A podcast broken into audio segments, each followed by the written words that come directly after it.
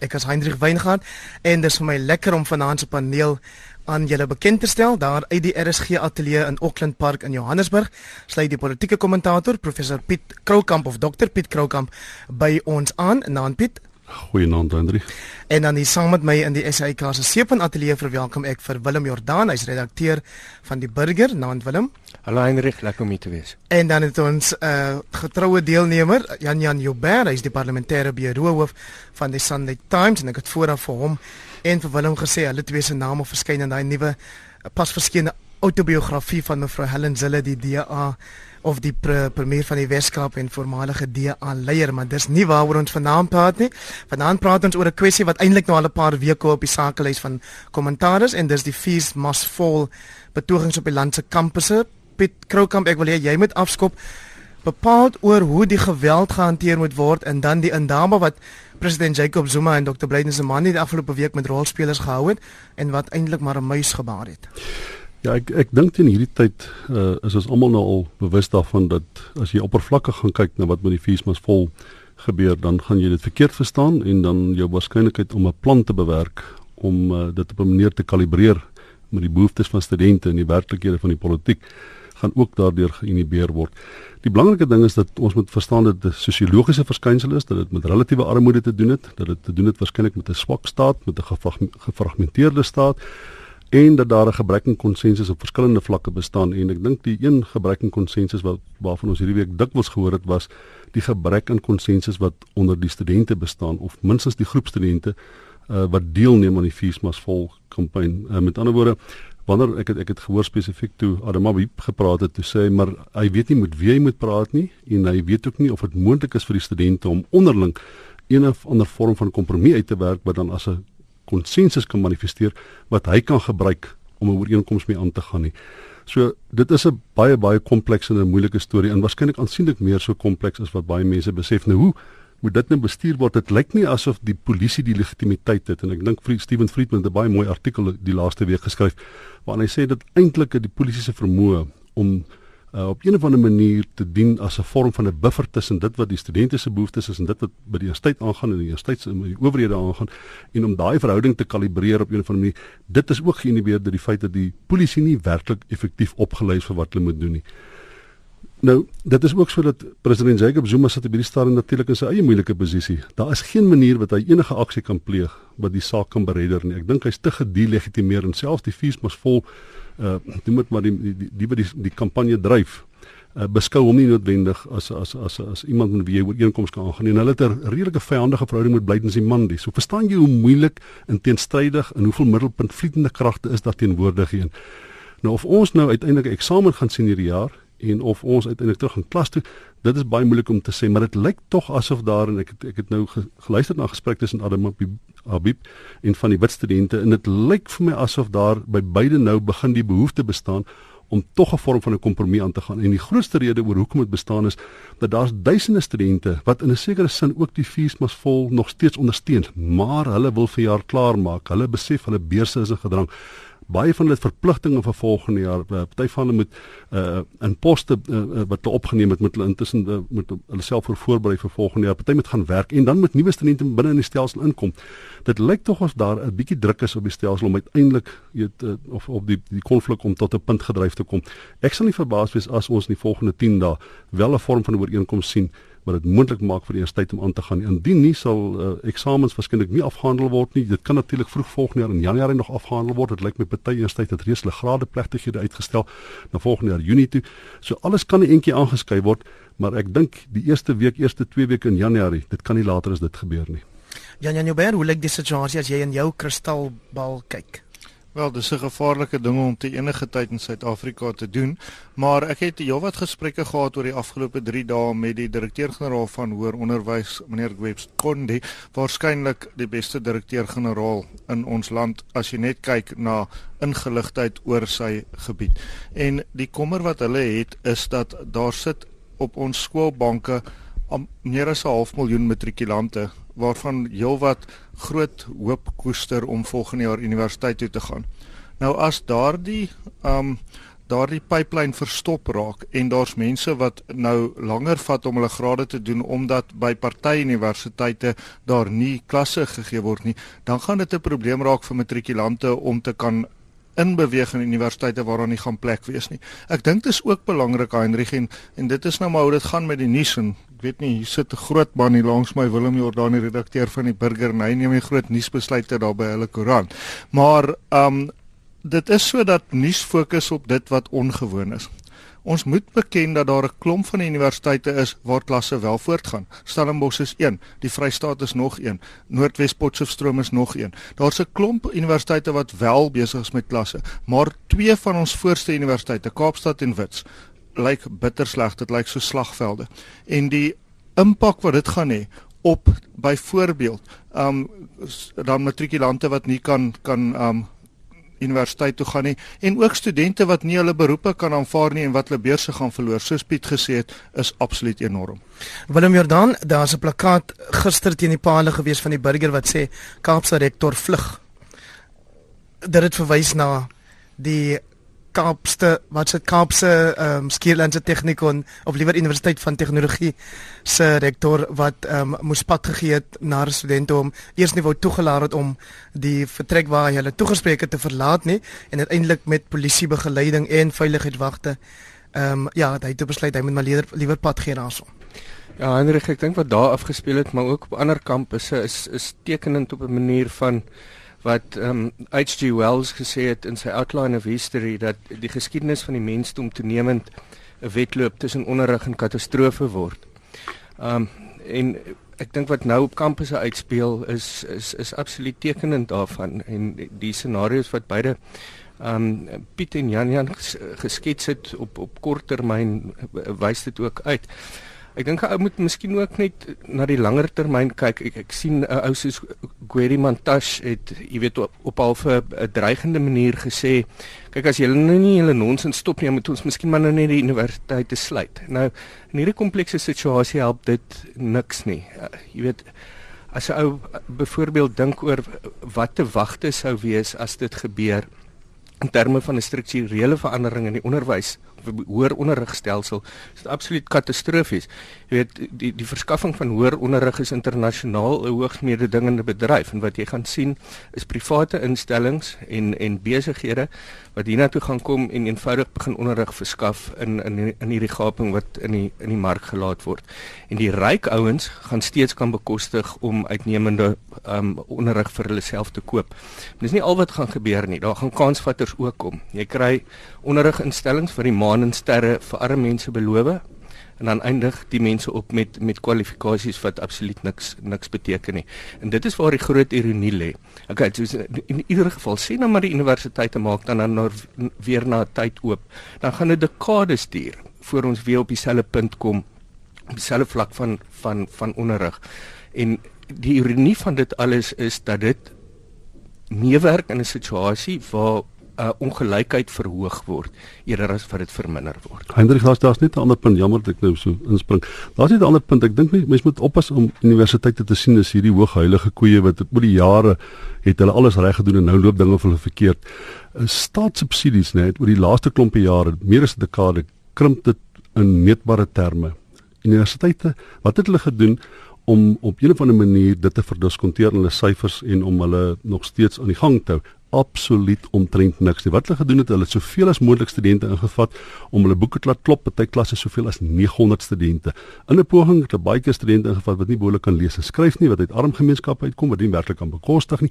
En eintlik kon hulle nooit die infrastruktuur skep om daardie studente studente behoorlik te akkommodeer nie. Al wat nou gebeur is, jy sit met 'n probleem wat sy oorsprong waarskynlik in in in krimpende subsidies, maar wat die universiteite nie innoverend genoeg was om op 'n of ander manier aan te spreek behalwe om die goedkoop opsie te vat om soveel as moontlik studente in te vat 'n manier om die geld te kry nie en hulle het niks daaraan gedoen om die leefwêreld van 'n akademie van die van die akademie vir die student op 'n of ander manier so te maak dat jy die dieselfde resultate het of dieselfde impak het wat jy 10 en 20 jaar gelede gehad het. Jy sit met 'n student wat in 'n klas sit, hy gaan waarskynlik nooit by sy dosent uitkom hy gaan waarskynlik nooit met hom praat behalwe om op 'n PowerPoint presentation daai persoon in 'n klas te sien met daar's eenvoudig te veel studente. Ek het hierdie week te sien ek 'n baie pragtige ding wat ek op YouTube raak geloop het Jy sê hulle maar 30 jaar gelede so 'n telefoon gelyk, vandag lyk hy lyk 'n telefoon so. 30 jaar gelede het 'n motor so gelyk, kyk hoe lyk hy vandag. 30 jaar gelede het 'n klaskamer so gelyk, kyk hoe lyk hy vandag presies dieselfde. Universiteite en skole in Suid-Afrika dink nie innoverend genoeg om hierdie tipe van probleme aan te spreek nie. Piet Krokem, jy het nou nie aan die begin geantwoord op my vraag spesifiek oor die geweld wat ons sien nie en die feit dat sommige studente wat wil voortgaan met hulle klasse, um, die word deur die betogers as ek nou hulle so mag noem, uh, verhoed om dit te doen. En daar's ook nou ouers natuurlik wat al meer uitpraat teen die die feit dat die studente wat wel wil klasloop nie toegelaat word of hulle reg ehm um, gegeen word nie. Ja, Hendrik, ek het dit gedak en daai. Ek het probeer wegkom met daai ja, vraag. Ja. maar ek dit so stel, ek ek dink dit vir my verwysing na die artikel wat Steven Friedman geskryf het, dalk iets daarmee te doen dat die manier hoe geweld op kampusse bestuur word, dit baie te doen met die polisie en, en veiligheid van die sekuriteitsmaatskappye wat op op die kampus gebring word. Ons het al reeds gesien die oomblik wat jy met polisie kom en hulle begin hardhandig raak, al wat jy doen jy agiteer net die opponente. Dit is waarskynlik nie die manier om daarmee om te gaan nie. Nou ek is nie 'n polisieman nie. Ek dink jy moet vir Johan Burger kry om vir jou te verduidelik hoe moet hulle eintlik optree, maar die feit bestaan is tot nou toe gesien dat sekuriteit en die polisie se teenwoordigheid op kampusse hierdie geweld aangeblaas en dit nie ondermyn nie. Jan Jan Joubert Ja, ehm um, kyk ek dink wel by ons ook moet stil staan is wat is die huidige situasie? Waarteen is die studente besig om te proteseer? Wat is dit wat die regering op die tafel plaas as ook daardie veterane soos Diego ehm um, Moseneki en ehm um, Tiritsolani en daai ons ek het met hulle gesit wanneer was dit? Donderdag aand vrydag aand vrydag aand in Sandton. Um en bietjie geluister wat hulle te sê het. Maar kom ons kyk net eers wat sit die regering op die tafel. Die regering het op hierdie stadium met drie ledige plan op die tafel. Vir studente wat um uit werklik arm huise uitkom die heel armste van die armstes in hierdie land waar baie mense dink hulle is arm en hulle is nie. Die heel armste mense in die land is brandarm. En hulle kry in elk geval NSFAS die nasionale studente finansiële hulpskema se geld uh, wat hulle volle studiegeld betaal. Dan vir mense wat in 'n huishouding 'n uh, inkomste het van laer as 600 000 rand per jaar, um, gaan daar geen verhoging in studiefooie wees nie en vir diegene wie se huishoudings 'n uh, inkomste het van meer as 600 000 rand per jaar, is dit 'n maksimum van 8%. Stellenbosch het laag gesê dit is 8%, nie dat enige iemand wat Stellenbosch ken verras sal wees nie. Maar um, die lank en kort daarvan is dat 75% van studente wat tans op universiteite en ook by die TVET colleges die um die voormalige tegniese colleges is, sal in elk geval volgende jaar hulle studiegeld volkome gedek hê. Die tweede ding is um as ons kan terugkom by die hele kwessie van wat probeer mense op hierdie stadium doen om dinge op te los. Nou Piet het gepraat daarvan dat die polisieering werk nie eintlik op kampusse nie. Dis maar soos 'n rooi doek vir 'n bil as die as die um polisie daar is vir die studente. Maar wat op die oomblik aan die gang is is daar is 'n klomp onderhandelinge aan die gang tussen mense wat net soos hierdie studente nie in leierskapposisies is wat verkose is nie, maar wat wel goeie name het en met die studente kan praat. En wat die Ego Mosenetjie vir my gesê het is die groot dinge wat hulle reeds bereik het is hulle het polisie van Witse kampus afgehaal, hulle het die geweld uitgehaal en hulle het die vandalisme uitgehaal op daai kampus. Ek dink dit is die eerste stappe wat moet gebeur en dan soveel as wat die reg kan wees om te proteseer, moet die reg wees om klas te loop. En ek dink dis hier waar die verandering is met verlede jaar en dis hoekom daar nie so breë ondersteuning is vir die studente wat Jan Jan, daar's 'n ander nie. probleem. Daar's 'n ander baie praktiese probleem. Jy moet onthou, 60-70% van die studente kom nie uit die beste skole in Suid-Afrika nie. Nou kry jy hierdie beurs by die by die universiteit. En daai beurs het baie baie streng voorwaardes. Ek dink amper as hulle 'n tweede vak dop, dan het hulle 'n wesentlike kans om daai beurs te verloor. Nou kom uit swak skole uit en jy weet van ons studente, ek ek is nie seker nie, maar ek praat dan korrek, maar hier rondom 50-60%, nê.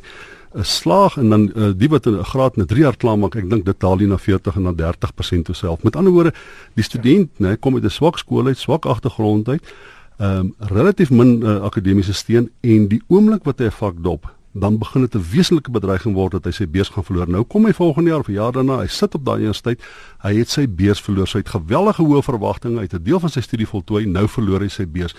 Nou die werklike probleem, dit is waar ons probleem is. Nie al hierdie ander goed by die dit dit hier romantiese prentjie by die staatskep. Hierdie klomp gee ons vir nie, daai klompie uh, gee ons af in terme van verhogings en die volgende groep kan vir hulle self betaal.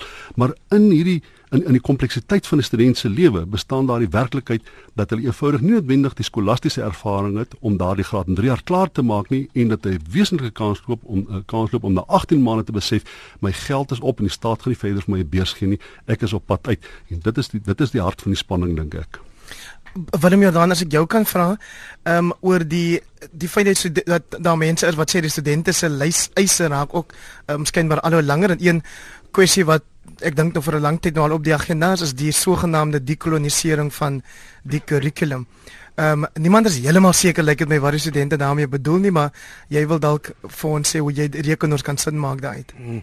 Ek was 'n bietjie moedwillig vroeër geweest deur na H.G. Wells te verwys want nou gaan jou program gedekoloniseer met word, jy weet.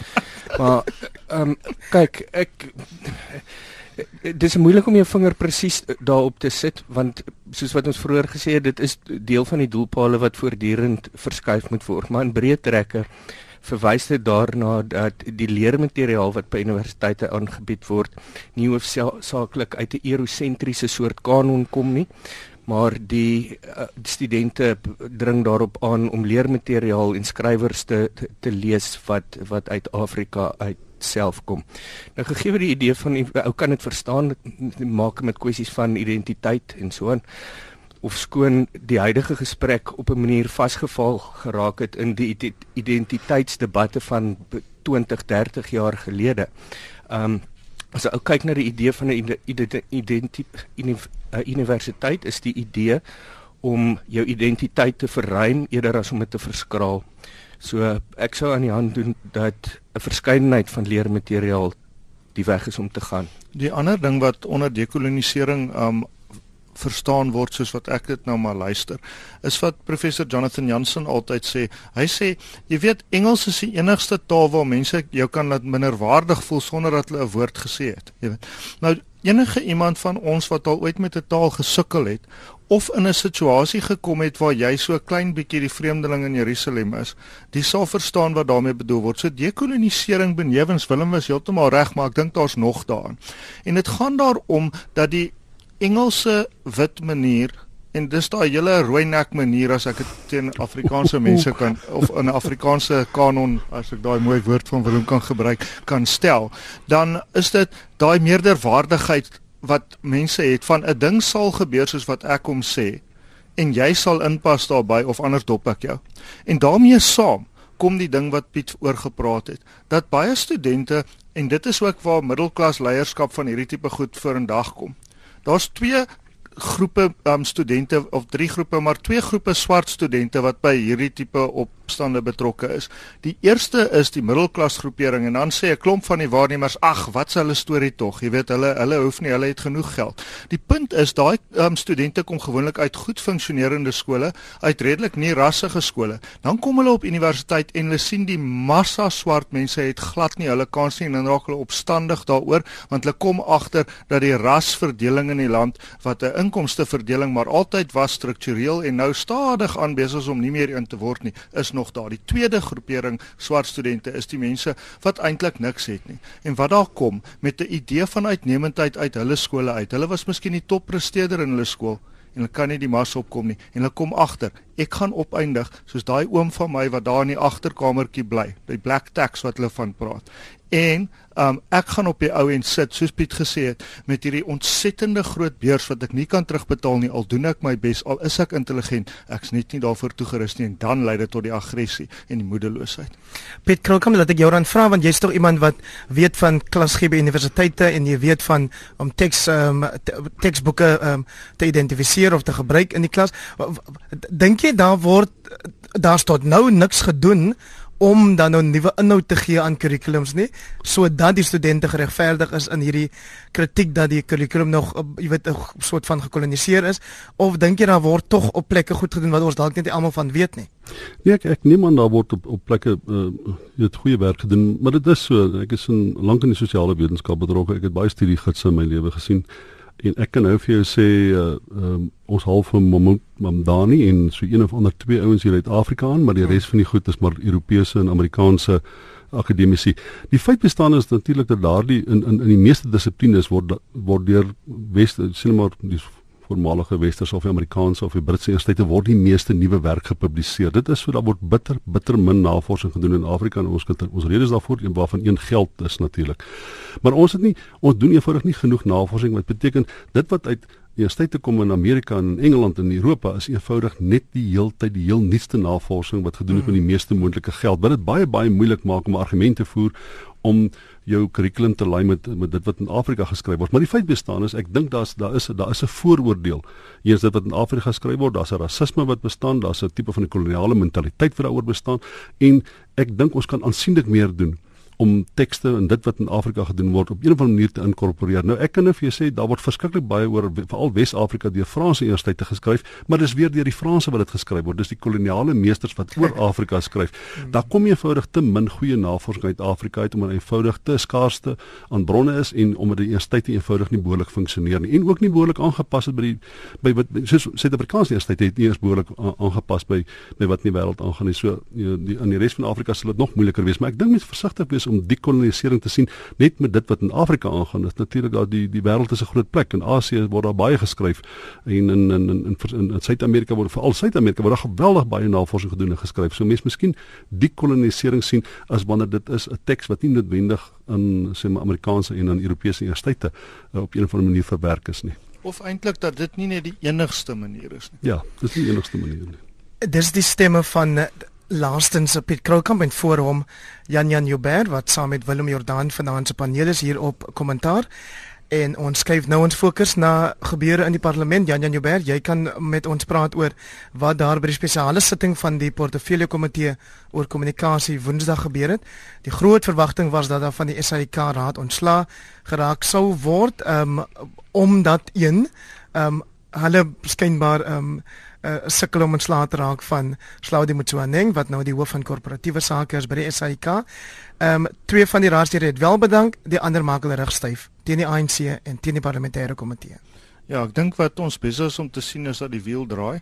Ehm um, 'n ingewikkelde saak veral gegee waar ons is met ander woorde wie se ligtyd ons gebruik. Maar die lank en kort is dat ehm um, dat daar is dinge aan die gebeur um 'n blinde mens kan sien en 'n dowe mens kan hoor dat dinge besig is om te verander daarso. Um twee van die raadslede van die SAIK het die parlement die moeite gedoen om van ontslae te raak deur van hulle self ontslae te raak. Um hulle het bedank tydens die sitting um voor die portefeulje komitee oor kommunikasie en die eintlike sterk aanduiding is in nie net binne daai portefeulje komitee waar die ANC sy posisie baie versterk het deur meer uh, senior mense in te bring en meer van die latswaaiers um uit te haal nie. Um maar ook dat dat die ANC as 'n party besig is om sterker en sterker standpunt in te neem. Nou hierdie is 'n maklike saak om op te los en dis ook wat um die howe die hele tyd sê. Daar is bepalinge oor wie kan daardie hoë posisie by die ANC wat meneer Motsoeneng op die oomblik het. Um kan wie wie kan dit beklee? En dit is 'n baie maklike ding. Dis nie 'n oordeelsaak nie, dis 'n doodgewone feitelike saak en die vraag is, het die persoon 'n matrieksertifikaat of nie? Dit gaan nie oor of die persoon kan wonderwerke doen of waarskynlik die mees onbeskeie persoon in die geskiedenis van hierdie land is nie. Dit gaan daaroor dat um, hy het nie die nodige kwalifikasies nie en hy sal op die ou end vervang word en dit is ook wat die ANC sê dis wat meneer Jackson Mthembu die hoofsweep gesê het. Ja, nee, maar daar's 'n ander vraag wat wat wat almal vra en ek, ek hoor dit baie mense vra dit. Die vraag is wat is die uh hou vas wat meneer Motsoeneng op die SAIK raad het. Wat wat is die aard van die verhouding tussen hulle? Want jy moet onthou, hulle is besig om teen die parlement en die ANC teen die kabinet te gaan teen 'n geweldige hoë prys. Jy moet aanvaar dit moet teen 'n prys kom. Wat presies is die verhouding tussen die raad en Nirmotsoning wat maak dat die mense op die raad bereid is om hulle totale politieke loopbaan op die spel te plaas vir hom? Wel, daai vraag is reeds beantwoord deur die minister kom, van kommunikasie. Mag ek 'n bietjie Engels praat? nou, dis hy sê dit sê Baba loves him very much. Okay. Papa hou baie van hom.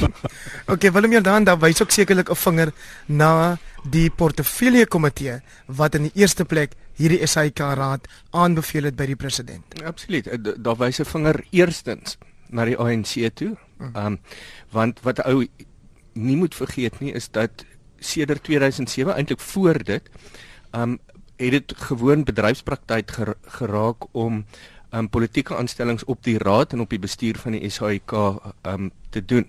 Nou solank jy dit doen en solank faksies binne die party vermeerder, spoel daai faksiegevegte oor na die raad en die bestuur van van die SAIK.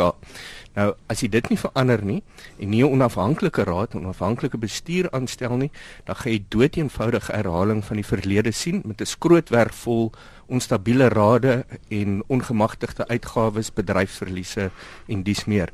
En dan is jy heeltemal reg, ou gaan baie mooi moet kyk na die geskiedenis van die ANC in die parlement, hoe daar stelselmatig weggekalwe is aan die oorsig en moniteringsfunksie van die parlement.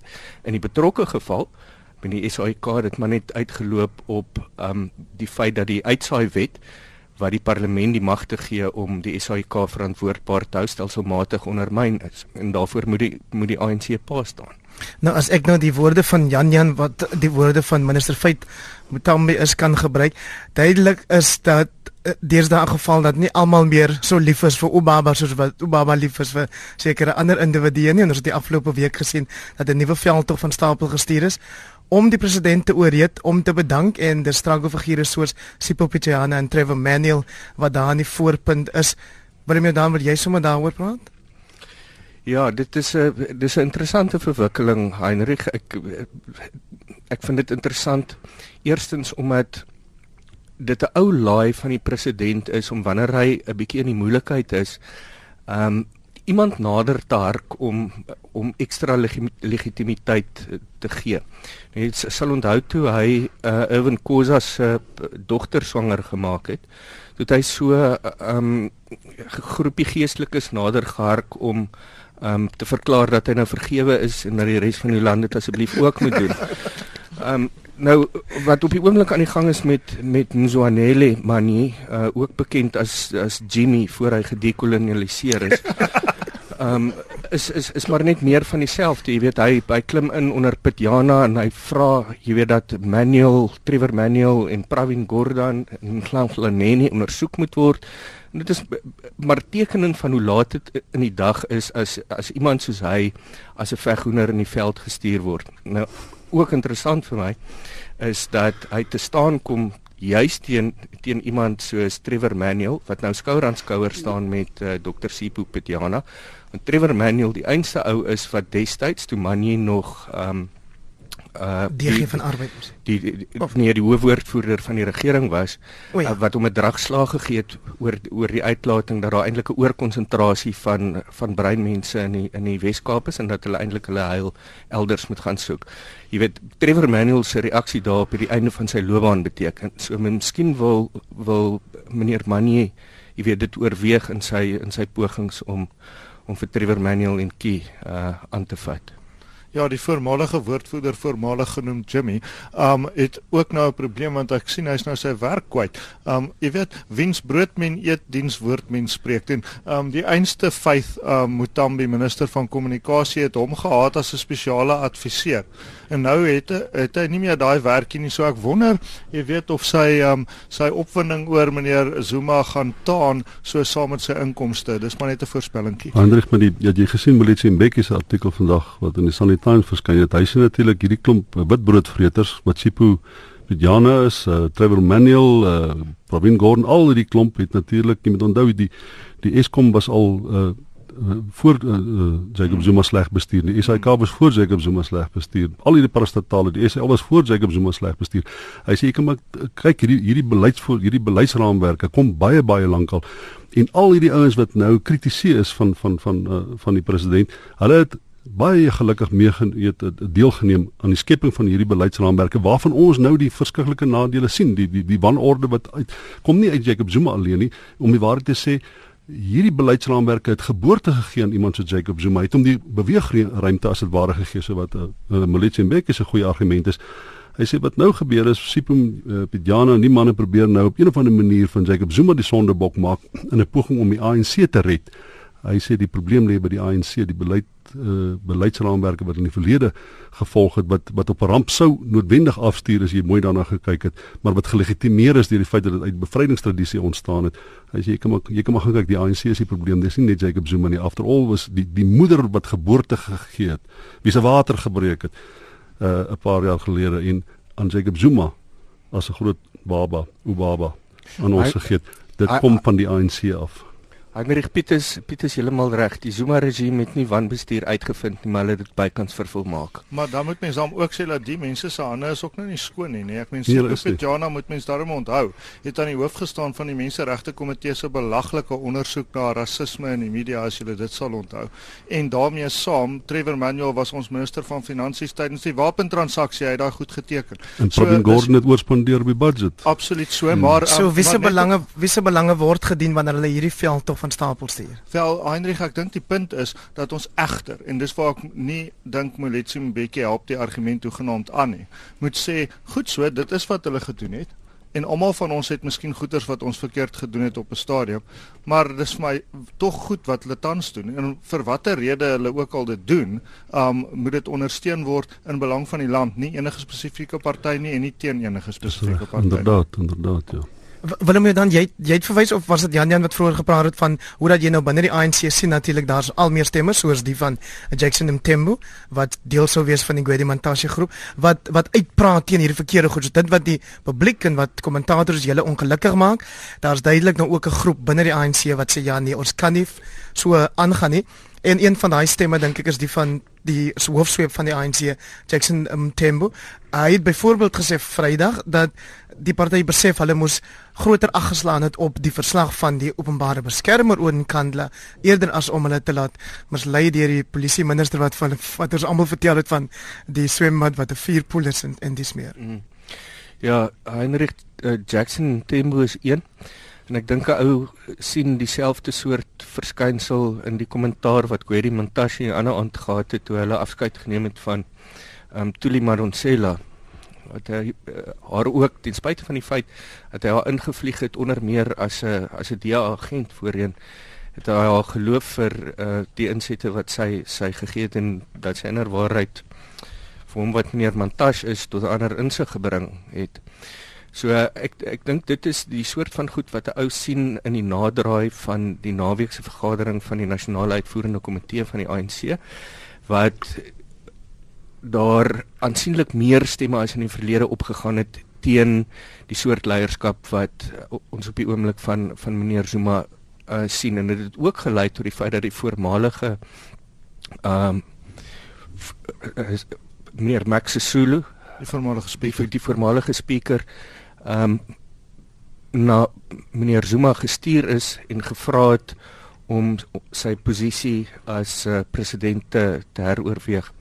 So ek dink in die komende 2 weke gaan nog baie interessant raak wat betref die binnewerkinge van ja, Hendrik, nee, ek ek stem saam met met met Jan Jan ook daarin. Uh, mens moet mens moet versigtig wees om hierdie ding uh, te lees op 'n eendimensionele manier. Hoeveel politieke partye in die wêreld nê, nee, die vermoë om gat om te swaai soos wat die ANC besig is te maak, minstens deur 'n belangrike segment van hulle. En dit is ook okay, ons het groot foute gemaak. Ons moet waardes ons stuur absoluut op 'n krisis af.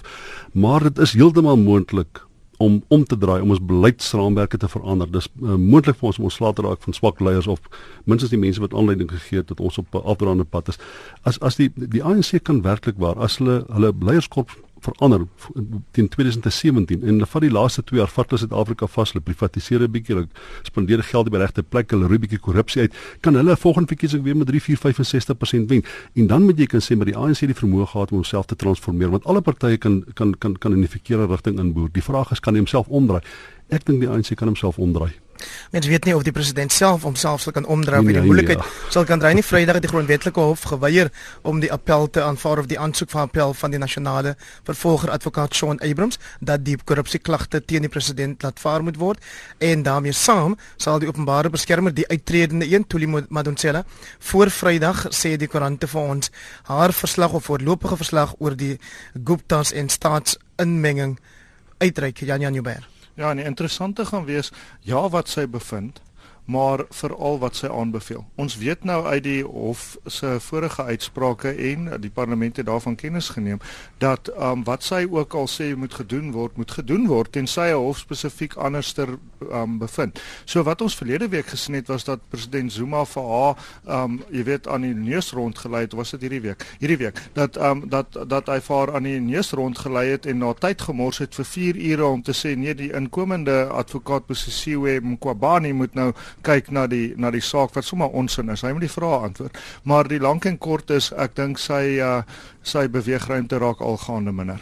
Piet Krolkamp, jy het nou al 'n paar woorde of uitdrukkings gebruik op die program vanaand wat my bekom het, maar dat ons dalk ouderdomsbeperking sal met instel volgende keer.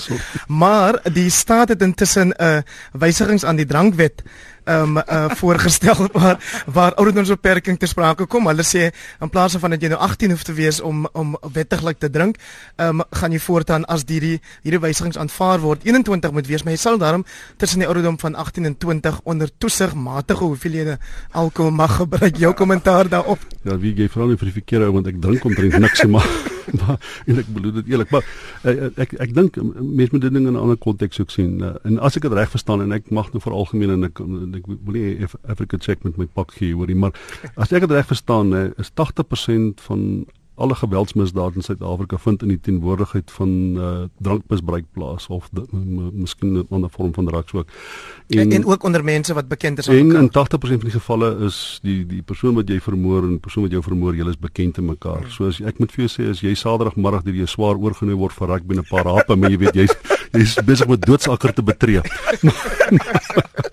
maar hoe dit ek sê, ek ek ek ek ek, ek dink mense moet interessant en intelligent en genuanceerd daaroor dink, maar ek ek is ek is nie skepties eens wanneer die staat pogings aanwend om op 'n of ander manier drank so te beheer dat daardie gruisame syfers uh getemper word nie. Ek weet nie of dit die beste manier is nie, maar die feit bestaan is drank is 'n verskriklik groot uh, deel van van geweldsmisdade in Suid-Afrika. Willem Jordan en Jan Jan Joubert, um, julle het nou uitgebars van die lag. Dit was nie oor die rugby van gister nie. Nee nee. Okay. Kyk ek ek dink Piet maak 'n baie goeie punt. Ehm um, uh, ou sien dit ook in in ander soort wetgewing, jy weet, hulle kyk nou na suikerbelasting, ehm um, en en dan moet 'n ou op 'n op 'n baie ewewigtige manier gaan weeg, jy weet. Wat wat is die die winste ehm um, en, en en en wat is die laste wanneer wanneer jy so 'n stuk wetgewing deurvoer? Ehm um, Wat betref die drankwet, dink ek moet 'n ou onthou ons is baie vroeg um, nog in hierdie proses en daar's 'n lang parlementêre proses en 'n proses van openbare deelname wat voorlê uh voor dit nog nog deurgevoer word. Wat welkommerwekkend is, lyk dit my, is die kommentaar wat tot dusver uit die drankbedryf self gekom het. Um is nie verreken in dit wat uiteindelik in die wetsontwerp gestalte gekry het nie. Nou dit is 'n herhalende patroon um by die regering spesifiek met iemand soos Rob Davies. Jy weet wat baie graag groot meneer speel um oor kwessies van vryhandel en en en, en dis meer.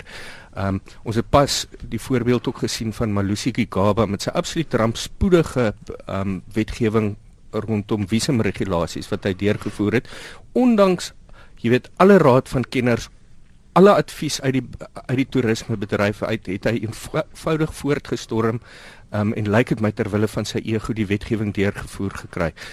Toe dit uiteindelik blyk rampspoedig te wees, jy weet, um, haal hy dood eenvoudig sy skouers op en sê maar hier is nou onbedoelde gevolge. Punt is hy is die minister, dis sy werk om die gevolge te sien kom en veral as kenners en die bedryf om voorop sy aandag daarop vestig. Wat gebeur dan? Dan is dit een of ander interministeriële komitee wat die kastanjes dan uit die vuur moes krap wat totale geldmors word eenvoudig omdat dit wetgewing is wat nooit deurgevoer moes gewees het as daar geluister is na kundiges se kommentaar nie. Ons hoop dieselfde gebeur nie met die drankwet nie. Wel jy weet Heinrich ek en jy en Willem is nie heeltemal so heilig soos Piet nie. Ons almal hou daarvan om 'n Duitse skyndrankie deur die krag te jaag hoe Willem. Maar die, maar die ding hier is dat ek meen matig is vir my 'n taamlike moeilike ding tussen 18 en 21 en my beskeie ervaring is is dit is dit is dit nogal uh, heeltemal 'n ander konsep as vir ander mense. Maar ons moet onthou hierdie is nog 'n voorgestelde wetsontwerp. Dis nog nie eens 'n wetsontwerp nie. Ek sien 'n rapport wat uitstekend gedoen het om die storie te breek. Noem dit sommer al 'n wet. Ek dink nie hierdie ding gaan deurloop nie. Um en ek dink um, mense moet dit teenstaan maar moenie te bekommerd wees ja, nie. My my dogter het sopas 18 geword en sy naïewelik dink ek het groot invloed. So sy het net vanoggend toevallig te sê sy my Pietie jy moet gaan praat met daai mense. Sy's dors. Willem hier dan kan ek jou vra oor die daar's natuurlik ook sprake na vir 'n lang tyd dat daar dalk 'n algehele verbod op drankadvertensies geplaas gaan word. Die sê die mense wat hierdie soort syfers maak soos Econometrics, um, sal die bruto nasionale produk met tot 7 miljard rand laat krimp en die land iets soos 12000 werksgeleenthede kos. Ja. Heinrich ek meen dis die dis die punt wat ek maak. Ek meen al hierdie inligting moet baie deeglik verreken word en dan besluit jy maak hierdie wet sin en bereik dit die doel ehm um, wat dit in die eerste plek voor voorgeskryf word en my probleem is dat dit nie altyd gebeur in die parlementêre proses nie. Nee, ek word deur kollega Phil loods gesê ons het daarom nog 'n minuut of 2 ekstra vanaand. So ehm um, Piet uh, Kroukamp, ek gaan jou weer nader trek. Dan moet ook am seker iets goeds te sê wees vir die wysigings wat voorgestel word want dit sê byvoorbeeld dat ehm um, jy weet jy dan nie drank kan verkoop iets soos 500 meter weg van skole af of kerke of parke of universiteite of staatsgeboue openbare instellings nie. So daar is daar is daarom seker Jan Jan Joubert sy kop maar daar is hom seker iets goeds te sê oor oor wat die regering sê hy uiteindelik wil bereik met hierdie beperkings. Ja, ek ek dink ek dink die die punt is nou behoorlik gemaak dat uh, solank die goed uh, die, die die wetgewing in behoorlike konsultering met met wie ook al betrokke wees, wie ook al weet weet 'n bepaalde belang by die bedryf het met dit met dit gemaak word en uh, my argument was altyd net maar myselfde met sigarette gewees oor die jare en dit is dat ek dink wetgewing moet voorsiening daarvoor maak dat die gebruik daarvan, ek praat nie van die misbruik daarvan nie, nie geromantiseer word nie. Verstaan jy? Ek ek dink dit is heeltemal moontlik om om te sê maar jy kan jy jy kan jy kan seker adverteer, maar jy kan duidelik nie vertel dat jou manlikheid bevorder word deur Lexington Lexington te rook nie, verstaan jy? So ek dink net die ding moet beheer word dat dit dit is nie net iets wat die staat homself kan onontrek on, on, nie. Uh en wat my bietjie frustreer partykeer is hoe dikwels ons uh, gryp na die na syfers van sê kyk hoe maar as ons die suiker uh, uh taks uh, uh, op 'n of ander manier hef op koeldranke dan verloor ons 6 miljoen werkers of 2 miljoen werkers of 100 000 mense gaan hulle werk verloor asof dit 'n vorm van regverdiging is dat die ewel noodwendig moet voortduur. Hmm, hmm. Ons moenie altyd ekonomiese syfers gebruik om wanneer daar morele vraagstukke is oor bepaalde veranderlike wat teenwoordig is in die ekonomie om dit te probeer ondermyn nie. Ja, maar nou moet ons ook realisties wees. Jy weet as jy daai 500 meter instel. Ek was nou die week in Rosebank Johannesburg, reg? Die Rosebank Laerskool is binne 500 meter, waar is trouens binne 200 meter van die hele Rosebank Mall omgewing, né? Nee? Die zone, al daai goeders. Moet al daai plekke nou toemaak of net koeldrank bedien ons verspotte wetgewing. Op Facebook sê Pieter van Pletsen, hy dink dis 'n goeie span wat ons vanaand het en dan sê Hester Loots ook dankie vir 'n goeie kommentaar en dan is daar 'n hele paar ander luisteraars wat ook van hulle laat hoor soos Louise Prinsloo wat sê sy luister graag. Baie dankie vir julle wat luister en baie dankie aan my hoogs bekwame paneel wat ek vanaand op die program gehad het. Dr Piet Kroukamp daar in die Auckland Park Ateljee. Baie lekker dankie. Willem Jordaan hier by my in die Sepen Ateljee, hy's redakteur van die Burger en dan Jan Jan Joubert wat die Sunday Times se parlementêre bureau hoof is. Ek is Hendrik Weingart en ek groet tot volgende keer.